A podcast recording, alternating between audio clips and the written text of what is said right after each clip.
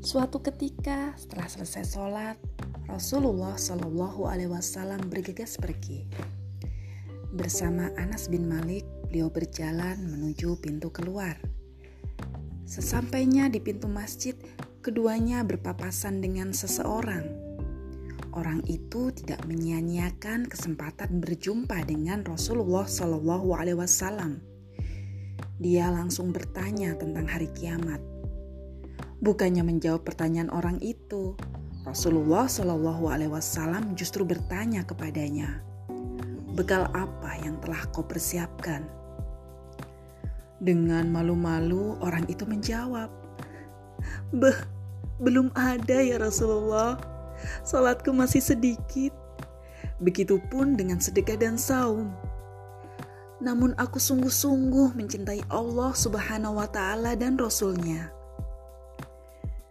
Mendengar itu, Rasulullah Shallallahu alaihi wasallam tersenyum. Beliau pun berkata kepada orang itu, "Kelak engkau akan bersama orang yang engkau cintai itu."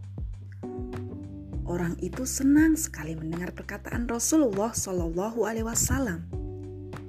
Pada hari kiamat nanti, dia akan bersama orang yang dia cintai, yaitu Rasulullah Shallallahu Alaihi Wasallam. Sejak itu, dia pun semakin rajin beribadah. Orang yang rajin ibadah pastilah sangat mencintai Allah Subhanahu wa Ta'ala dan Rasul-Nya. Allah Subhanahu wa Ta'ala pun sangat mencintai orang yang mencintainya dan Rasul-Nya.